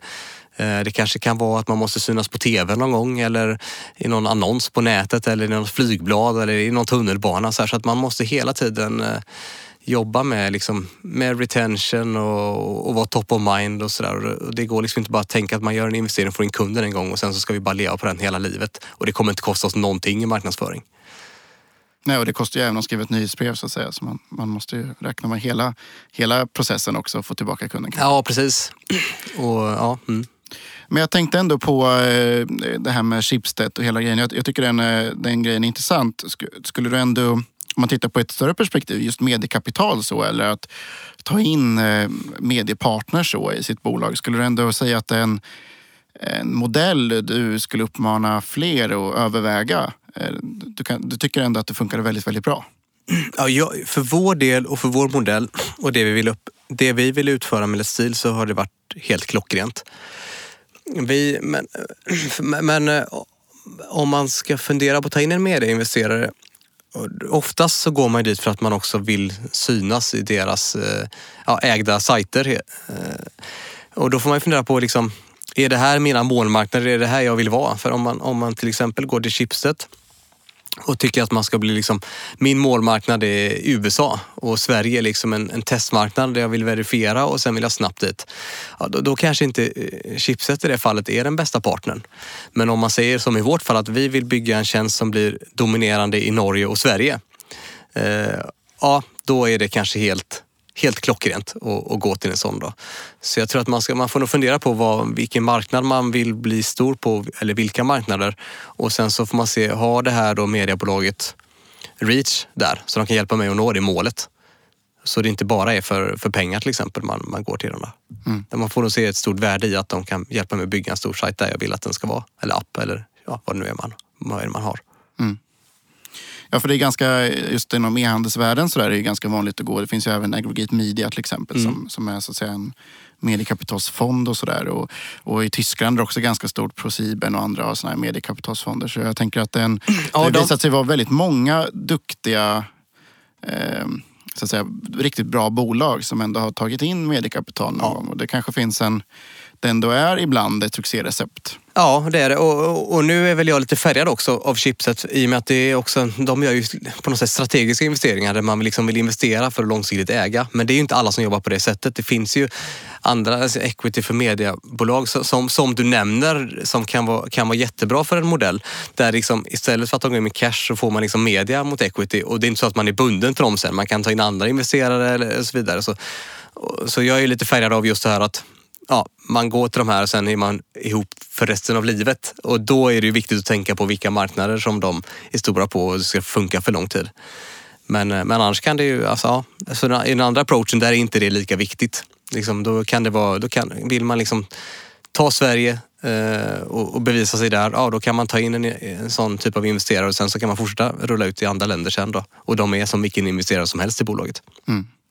Men när ni tog in Schibsted, var det, så att säga, hade, hade de redan då en option på att köpa hela bolaget eller var det någonting som kom efterhand sen? För de, köpte, de har ju köpt eh, nästan hela bolaget nu, eller hela bolaget nu. Mm. Ja, ja, precis. Det var väl det som gjorde delvis att det tog lite lång tid där 2010. För vi satt ju och förhandlade fram ett avtal som i princip sträckte sig då till i år. Med alla mekanismer och formler för värderingar och gudans moster. Så att eh, i vårt fall så var det så att eh, när de klev in, då, då, då satte vi oss i samma båt och då visste vi att vi skulle segla den tillsammans. Antingen tills den sjönk eller tills eh, liksom, de, de tog över rodret och, och körde det. då. Så då, de hade en option på att köpa loss eh, resten så att Ja, säga. precis. Det fanns en plan för hur man då skulle bli 100% ägare. Mm. Och bara så att lyssnarna förstår, hur ser det så? Det, det baseras på resultat och hur det går och sådana saker, eller hur? Ja, det, det är liksom... Det är framförallt, man, man kommer fram till någon form av formel för hur man ska värdera företaget och i vårt fall så var det då eh, ett givet år, eh, 2014. Och utifrån resultatet 2014 så hade man då en option på att köpa. Så att eh, det var väl ganska tacksamt för oss på det sättet. Vi visste ju precis vad vi var tvungna att göra 2014. Det visste vi redan 2010 och då handlade det bara om att ta sig dit. Och, och i grund och botten så liksom, skulle vi bygga ett välmående företag så skulle det liksom bli en bra värdering och en bra då affär. Eh, så att det var ju tacksamt på det sättet, att man visste liksom vad man skulle göra. Först var det bygga omsättning och sen så fundera ut hur man kan få vinst av den. Då. Det låter väldigt enkelt men det, det var skönt att ha ett mål att jobba mot i alla fall. Ja, exakt. Och det blev en bra deal till slut också då? Ja, det blev det. Vi, eh, det blev ju väldigt, väldigt bra. Menar, vi gjorde ju ja, 129 miljoner i omsättning förra året och 39 miljoner i vinst. Så vi lyckades ju faktiskt eh, få det hyfsat lönsamt också till slut. Så det, Väldigt blev, lönsamt. Ja. det, blev en bra, det blev en bra affär. Ja. Och, och ni cashade in så att säga och sålde då de, de här procenten? Ja, så, att säga. ja, precis. Så de tog över det då här i, i våras. så nu, nu äger, de, äger de hela bolaget eller? Nej, jag vet inte om det... Nej, vi har kvar en liten del, jag och Lars. Eh, har vi i bolaget. Jag vet inte om det är officiellt eh, hur mycket det är, men eh, vi har kvar en liten, liten del var och, i bolaget. Härligt. Så du Ja. har ändå lite incitament fortfarande att pressa force, the force. ja, precis. Men och, eh, och sen bara eh, ett jättekort tag tillbaka så har du klivit eh, ner operativt från bolaget och det är en annan vd som, som driver det nu. Mm, precis. Eh, jag gjorde min sista dag ehm, nu, sista december. Eh, sista september, förlåt, för en och en halv månad sedan. Och vi började väl prata lite grann om framtiden med chipset redan ja, i slutet på 2014 och vi, vi pratade om det på våren 2015. Och, och någonstans så var det väl så här att antingen så gör jag fyra år till eller fem år till och sen öppen på det. Eller så är det här ett läge att ta en paus och fundera på vad man vill göra om man vill göra något annat i livet. Och jag kände också att det var, man har jagat ett mål under fem år som man ska nå och så har man uppnått det målet. Och det var svårare än vad jag trodde att ladda om och känna liksom att tända till ordentligt igen. Och jag, tror, jag är sån som person, antingen så gör jag det liksom 120 eller så gör jag det inte alls. För att göra det liksom 80-90, det är nog inte riktigt min grej. Jag måste verkligen brinna för det och ha, ha allting i det. Och när jag kände att nej, men jag, jag kunde inte riktigt hitta det och jag var nog inte redo för, för att signa upp mig på ytterligare ja, fyra år. Då sa jag till att det är nog bäst att vi tar in en ny, ny VD och så började vi med den rekryteringen i, i våras. Och vi hittade en person här som kom in i i början på augusti. Och så gick jag med den här personen i två månader och sen så lämnade jag det operativt här första oktober. Spännande, så nu är du, nu är du fri och får göra vad du vill. Ja, precis. Nu har jag ingen chef längre. Eh, så nu, nu är jag helt fri. Så det känns, eh, det känns väldigt eh, märkligt men också skönt. Mm. Kul. Um, vi ska komma till lite vad, vad du ska göra nu, men jag, jag tänkte på Eh, innan bara, nu, du har ju ändå sålt två bolag, eh, vilket är mer än vad de flesta hinner göra, eller så har gjort. Eh, kan, kan du ge någon, några liksom råd bara till andra när det kommer till att tänka kring att sälja sina bolag? Vad, eh, finns det några konkreta lärdomar av de två eh, försäljningarna du har gjort? Ja, det är nog svårt det där. Alltså, generellt sett så tycker väl jag kanske att man inte ska tänka på det överhuvudtaget. För så länge man bygger, så länge man liksom, ja, om man utgår från att man försöker göra en kund nöjd och, och det lyckas så på något sätt då, då vet man att man kommer åt jobb och sen så kommer man kanske få investerare som är nöjda någon gång och det blir en exit. Men jag tror att bara man, man ska fokusera på att bygga en en bra affär och inte på liksom så här, okay, vem skulle kunna vara en tänkbar tagare. Det är möjligt, möjligt att man måste man måste pitcha det i någon investeringsrunda tidigt. Men sen så är det liksom, tycker inte jag det är någonting man ska lägga fokus på utan man ska bygga en bra, bra affär.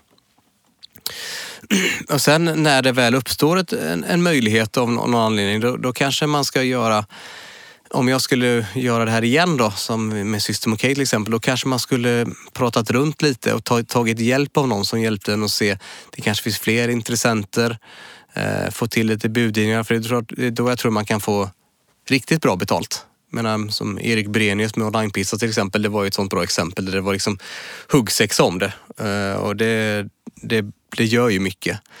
Men ja, händer det, så, händer det så händer det och då kan man väl kanske tänka på det och då kan man kontakta mig så kan vi prata om vad man ska göra och inte göra i due diligence-processer och allt som kan vara, kan vara jobbigt. Men generellt sett skulle jag nog bara säga att fokusera på, på, på din affär och, och bygg den. Och blir det bra då, då kommer det, om man vill, en exit. Men det är inte säkert att eh, man vill bygga ett bolag för att, för att sälja det heller utan det kan nog vara rätt så bekvämt för många att, att bygga för att, för att äga och, och utveckla. Och det, det är väl någonting som jag känner nu här efter, efter två, två omgångar där man har fått släppa iväg sina bebisar lite väl tidigt. Det är väl att just nu sitter jag där och känner att ja, ska man göra någonting än så då vill jag nog kanske också äga lite mer långsiktigt. Sen är det möjligt att det kanske uppstår någon uppstår att man kanske säljer någon gång men inte, inte kanske att man, att man måste göra det i alla fall. Och att hellre bygga för att äga på lite längre sikt. Mm. Men det är väl så. Är, man, man vet ju oftast vad man vill ha. Eller man vet oftast vad man inte vill ha när man har gått igenom någonting. Mm. Så nu ska du bygga The Alexander Imperium? Liksom, ja, precis. Ja. Det blir väl något sånt. Eh, nej men, och, och, nu när du eh, då är fri, då, vad, vad ska du hitta på om dagarna nu då? Förutom att vara med i min podd då? Ja, precis. Jag sa väl så här till mig själv att jag ska vara ledig ett år. Så typ, jag ska inte göra något vettigt eh, förrän till hösten hade jag tänkt. Så ungefär ett år ledigt. Men vettigt menar du något operativt? Ja, op ja precis. Engagera mig i något operativt. Och, så då hade jag tänkt göra två saker. Dels vara lite med min familj. Eh, jag har Adam, fyra och ett halvt och få lämna och hämta på förskolan och, och vara med lite mer, engagera där, få lite mer tid. Eh, det vill jag göra. Och det andra som jag vill göra det är att ge tillbaka till, eh, till andra entreprenörer som vill starta företag eller, eller håller på i sitt företagande. Och ge tillbaka lite till, till startup och, och, och det som jag älskar och har varit en del av. Så att det är väl egentligen där jag lägger min tid på dagarna nu. När, när hämtningen är, eller lämningen är gjord och innan jag ska hämtas. Och då försöker jag träffa så mycket entreprenörer som möjligt. Och eh, ja, ibland är det att man vill ha något, man har någon situation eller någon, något tips eller råd om något eller höra hur jag tänker eller bara vill bolla. Och ibland är det någon som vill pitcha för att man ska investera och ibland är det bara för att man vill ta en fika och se hur livet är. Mm. Ja, det, det, var roligt här nu innan vi gick in i studion så berättade du att du har som mål att hinna träffa hundra stycken, eller 100, träffa hundra entreprenörer innan, innan nyår i princip. Ja, precis. Eh, det är ju väldigt det, det är ambitiöst. Det verkar ju ändå som att du är ambitiös även när det kommer till att även när du ska vara fri så att säga. Ja, det har nog varit lite överambitiöst de här första veckorna. För har, det har varit ett ganska hektiskt schema. Jag tror aldrig jag träffat så mycket människor som jag gjort här eh, de senaste sex, sju veckorna. Men, eh, och det har varit jättekul. Men jag känner att jag har varit borta lite grann. Alltså, när jag har varit en del av, av startup byggandet men samtidigt det enda jag har gjort är att fokusera på Let's Steel. Och alla möten som jag har tagit och alla jag har pratat med har ju på något sätt gjort att Let's Steel har kommit framåt. Så jag har varit extremt inne i en, i en bubbla och bara tänkt på Let's Steel. Och, och, det gör ju att man, nu vaknar jag upp igen och säger oj vad är det som händer egentligen i Sverige? Och nu har jag börjat nu och tänkt att nu ska jag försöka köra igenom Göteborg här fram till jul. Och det är väl ja, minst 100 bolag som man behöver träffa då. Jag har väl kanske kommit upp till en 60 hittills. Så jag tror att jag, jag kommer, kommer att nå det till jul i alla fall. Men, eh, men det är kul att få, få upptäcka vad som händer igen och se att det finns faktiskt väldigt, väldigt mycket spännande saker. Och det, och det ger så himla mycket energi att få komma in och få träffa en entreprenör eller ett team som har en idé, som brinner för den. Och det är så himla kul att sitta och diskutera den och, och tänka, tänka på andra problem, andra lösningar, andra möjligheter. Och liksom, ja, bara känna att det finns, det finns andra som tänker på annat, som tänker på annat än, än, än deals och, och de KPI som vi hade på Let's Steel. Så det är väldigt, väldigt befriande och ger jättemycket energi. Mm. Så jag, jag, jag älskar det. Och du har redan engagerat dig i något eller några bolag mer långsiktigt också eller? Ja, det har jag gjort och jag har väl Ja, det har väl, det har väl blivit mer så här, för, först var det så här, ja men jag ska hjälpa till och bara ta lite fikamöten och ge tillbaka. Men sen har jag insett att äh, vad fasen, det är ju himla roligt att få investera lite också i, liksom i, i, pengar. Så det gör ju också att det blir roligare att lägga tiden. Så att nu har man väl mer eller mindre blivit någon form av affärsängel. Eh, och nu, nu har jag väl satt upp ett mål att jag ska försöka göra en, ja men kanske en 15 till 25 investeringar eller någonting. Det tror jag inte jag hinner göra på ett år. Men ändå bygga upp en lite, göra lite investeringar för att liksom bygga upp en liten portfölj av spännande bolag och entreprenörer och, se, och, och få lära sig lite om andra branscher. Kanske, kanske kan gå in med ja, men 250 000 i ett bolag och det är som en, en billigare MBA skulle kosta. Men då får jag istället får jag liksom lägga in i ett bolag och få, få en MBA i, i, den, i den verksamheten som de håller på med. Så det, det tycker jag, just nu känns det väldigt, väldigt spännande att lära sig. Kul, det är jättebra. Och eh, det låter ju som att det här är en eh, liksom, uppmaning till folk också. Att om de är ambitiösa så ska de höra av sig till dig. ja, det, det, får man gärna göra. Eh, får twittra mig eller, eller mejla mig för jag tycker det. Och även om det inte är en investering så tycker jag alltid det är kul att, att lära känna människor som är i, i ekosystemet på något sätt. Det, det, det, nu har jag haft möjlighet att få hålla på och, och göra det här eh, två gånger och det har gått bra. Och, och och jag känner väl någonstans att med det här med entreprenörskap och startup inom tech, det är, det är nog här jag vill vara resten av mitt liv i alla fall. Mm. Ja, men det är bra. Då har du ändå då är det bara en, ett eh, hack i kurvan nu då på, ska kanske starta något nytt efter ett år nu då? Ja, det får vi väl se. Det, jag, jag har lovat mig själv att jag absolut inte ska ta fram några sådana planer utan jag ska skjuta allt sånt framför mig. Och, och, och det kanske är jätteroligt att, att vara affärsängel och få hjälpa till lite här och där och få se väldigt mycket och då kanske jag vill fortsätta med ett tag till. Men just nu brinner jag mycket för det och tycker det är väldigt kul att träffa människor som, är, som jag tycker är duktiga på det och höra hur, hur tänker man och hur agerar ni och liksom, hur kan man utvärdera det och bolla tillsammans. Och, ja, det, är, ja, är jättekul. Jag gillar att lära mig nya saker och det här är något som är, är nytt för mig. Ja, men det är jättebra. Ehm, jag tänkte på eh, lite så här konkreta tips och lärdomar ändå från, jag tänker om du har tre konkreta saker ni gjorde rätt på Lite och tre saker ni gjorde fel, eller några stycken fel. Något som Oj. man kan lära sig av så att säga. Ja, jag tror... ja, vad, vad, gjorde... Om vi börjar med vad vi gjorde rätt. Vad, vad kan vi ha gjort rätt? Jag tror att vi var ganska tidigt så satte vi in, alltså vi, började mäta väldigt mycket ganska tidigt. I liksom hur, med kundbeteenden och för jag tror vi, vi ganska tidigt förstod det här att vi måste köpa kunderna billigare än vad deras livstidsvärde är. Och, och det är väl en uppmaning jag kanske skulle ge till många att man, liksom, man sätter de här mätverktygen på plats. Man kanske inte har datan de första tre månaderna men efter nio månader och du har loggat allting från början då börjar du se lite trender och mönster och jag tror det är väldigt, väldigt mycket, mycket värt att mäta och vara datadriven och det är någonting jag tycker vi har vi har gjort förhållandevis bra på, på Let's Deal och haft hyfsat bra koll på det. Och det är nog också något som gjort att vi har kunnat växa hyfsat kontrollerat. Vi har liksom köpt kunder lite billigare eller precis så mycket som vi tror att de skulle spendera kanske kommande sex månader. Och sen såklart så varierar det över tid och över, i, i, kanaler. Men, men det är väl någonting som jag skulle uppmana att man, att man mäter. Man mäter och sätter in den där mätningen från början. Och det, det här är internet och det går att mäta det mesta. Mm. Så det är väl en sak som jag tycker vi har gjort eh, ganska bra. En annan sak som, som, jag tycker, som jag är väldigt stolt över det är den kulturen som vi har byggt på Let's Steel och, och det fokuset som jag och, och många med mig har lagt på att faktiskt bygga en bra kultur. Det var ingenting som jag reflekterade över i det här första bolaget. Men det är något som varit viktigare för mig nu när vi byggde, byggde Let's Steel och det handlar ju dels om att få in rätt personer och det är en konst i sig. Ibland blir det ju inte bra men då får man ju bara konstatera det och, gå vidare. Men dels att försöka få in rätt personer som man känner, tror kan passa in. Men sen också jobba väldigt mycket med, med kulturen och värdeord och, och, och, och på något sätt få människor delaktiga i, i bolagets utveckling. Så att det inte bara är de som är grundare eller tidigt anställda som har lite ägande som känner ut, att man känner ett ägandeskap och ett ansvar. Även fall du har kommit in ganska ny, nyligen och sitter på, på, på någon position. Då. Och att, att få med sig alla på den här resan. Och det, det tror jag vi har lyckats med också genom att vara ganska transparenta internt. Så vi har väldigt frekventa uppdateringar. Varje måndag morgon har vi ett möte med hela bolaget där vi går igenom alla KPI och allting. När varje månad när vi har haft våra redovisningar och lämnas in och rapporteringar så går vi igenom det tillsammans. Så vi försöker vara väldigt, väldigt transparenta och det skapar delaktighet men också att, att, att jag vill att alla ska känna att man kan få, man kan få säga till och ha idéer och det, finns, det spelar ingen roll vem som kommer med idén utan det, det är inte liksom på hierarki utan det är, liksom, det är idén i sig själv som är viktig och försöka uppmana människor och, och verkligen tala om vad de tycker och komma med bra idéer.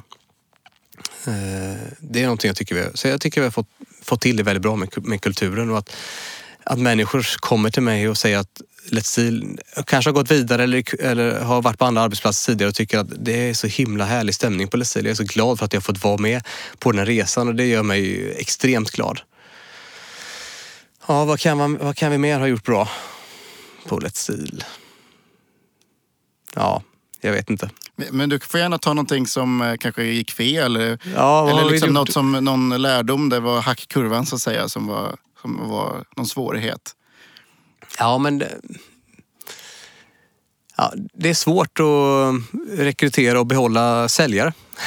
det, är väl en, det var väl någonting som jag kände ganska tidigt. Och det var, jag kom ifrån utvecklare och där är man, där, det var inga problem att behålla utvecklare under ganska lång tid hos oss i första bolaget. Men, men sälj det är, har varit lite annorlunda och lite andra motivationsfaktorer och kanske lite mer fokus på på, på lön och incitament. Och jag vet inte hur många gånger vi har diskuterat incitamentsprogram och belöningsmodeller för säljare. Det har varit jättesvårt.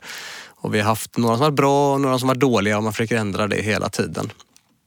Men det, var väl, det har varit en liten chock för oss att, eh, att det har varit ganska svårt att, behålla eh, säljare under längre tid. Så vi, idag är vi nästan glada.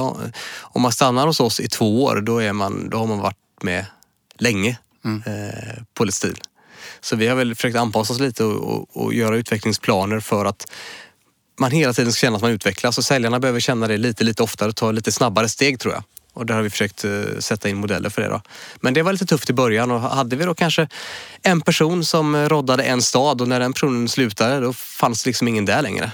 Så att vi har väl fått lära oss att man kanske behöver vara lite övertaliga eh, ibland för att eh, ja, vara lite redundanta helt enkelt ifall det är någon som, som slutar. Mm. Så det är något. Har du något annat, eh, någon annan lärdom som... Alltså det finns, det finns nog rätt mycket men jag kan säga det att jag är så himla dålig på att komma ihåg det som har varit dåligt. Jag, jag tittar alltid bara framåt och, och minns jag något så minns jag bara det som är bra. Så oftast när jag får den här frågan om kanske misstag eller lärdomar så säger jag så här, men jag, jag vet, det, det var väl inget som, det gick väl bra typ. Men nu ska vi hitåt så jag är alltid så i nuet och tittar framåt. Så jag, jag, på gott och ont så, så, så, minns jag inte det som, det som var dåligt liksom. Men det, någonstans så är det väl lagat i, mitt, i, i ryggmärgen på något sätt. Men jag, jag tycker det är alltid svårt att, att, att dra fram de här konkreta eh, sakerna. Men på ett sätt kanske det också är en, en sak man väljer när man väljer vilken resa man gör. Att, jag tänker att gruppan gasar på hur mycket som helst i början och bara så här, körde på och sen, sen dyker problemen på först när man faktiskt har när man då får den här volymen, då börjar alla problem komma. För de har man inte sett, för man har aldrig tittat, tittat mm. under vägens gång. Medan ni har ju ändå haft en mer stadig uppgång. Mm. Vilket gör att man kanske liksom, det blir, det, problemet blir mindre när man omsätter 10 miljoner än när man omsätter 100 miljoner. Ja, jag skulle tro att vi har haft en ganska kontrollerad tillväxt ändå. Mm. Och det har väl gjort att man har skaffat sig lite mindre problem. Sen har det ju varit kaos eh, vissa tillfällen som vi har liksom nästan gått under i kundtjänstärenden. Vi har jobbat dygnet runt i veckor för att få ner mejlköerna. Och där har väl, eh, på tal om det, där, har vi kanske, där, där missuppfattade eller missbedömde vi nog hur mycket kundtjänst och hur mycket resurser vi behövde lägga på det. Och det, det höll ju på att vara riktigt jobbigt för oss ett tag. Och det kan jag tänka mig, växer man väldigt mycket snabbare, då, var, då är det nog ännu värre. Mm. Och jag, jag har fått höra på, via omvägar, jag har inte hört det själv, men det var en anekdot som vi fick från en tidigare anställd i Norge som jobbade på Groupon. Och det här var 2011 när de växte så det bara knakade. Och, och Oliver Samuel, han gillar ju att ha ganska frekventa uppdateringar från de här landscheferna och då satt han och skrek någon gång. För då satt den här norrmannen och sa liksom att vi måste ha mer pers personer i kundtjänst för vi, håller, vi drunknar liksom i ärenden för de, de sålde ju väldigt, väldigt många deals. Och då, då så, så, så, så satt Samuel och skrek liksom We don't need more people at the hospital, we need more soldiers. det är klart att det har man den mindsetet, då liksom, först säljer vi och sen tar vi hand om problemen. Det, klart, det, det måste vara kan nog vara lite kaotiskt vissa gånger att jobba och det har det varit för oss också men det har ändå varit lite mer kontrollerat tror jag. Mm. Men, men en lärdom eh, slash misstag som jag inte kommer göra igen det är att låta någon bli, bli nummer ett. Om det är en sån här marknad som som är ny och ska etablera sig. Som jag nämnde i början, det kostar extremt mycket att äta kapp det där. Har man blivit top of mind så då sitter man där ett tag. Alltså, man har liksom memory blocking effects på något sätt. Så att jag skulle nog, om jag gör någonting igen, över, det lönar sig att överinvestera för att verkligen ta marknaden snabbt och bli top of mind. Man har igen det senare. Mm. Och jag minns när jag satt där 2010 när man konstaterat hur många de var på säljsidan, hur mycket pengar de, de, de, de gör ju inte det här ekonomiskt. Och jag gillar att göra mycket med lite pengar men, men det är nog helt fel mindset där utan då ska man bara, man ska överinvestera för att bli nummer ett för det kommer man att ha igen länge sen. Mm. Och det är väl någonting som jag kommer att ta med mig om man skulle, ja, för framtiden. Spännande. Är det, är vi börjar närma slutet här men jag tänker, är det något annat jag har glömt att fråga om eller något som du vill dela med dig av? Nej, jag tycker vi har eh, täckt rätt mycket här. Du, du, du, du pustar ut nu. Ja.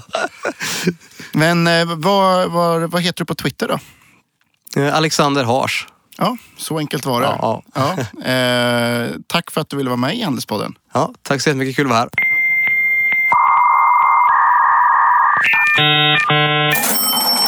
Tack för att ni lyssnat på e-handelspodden och glöm inte att följa oss på Twitter under e-handelspodden.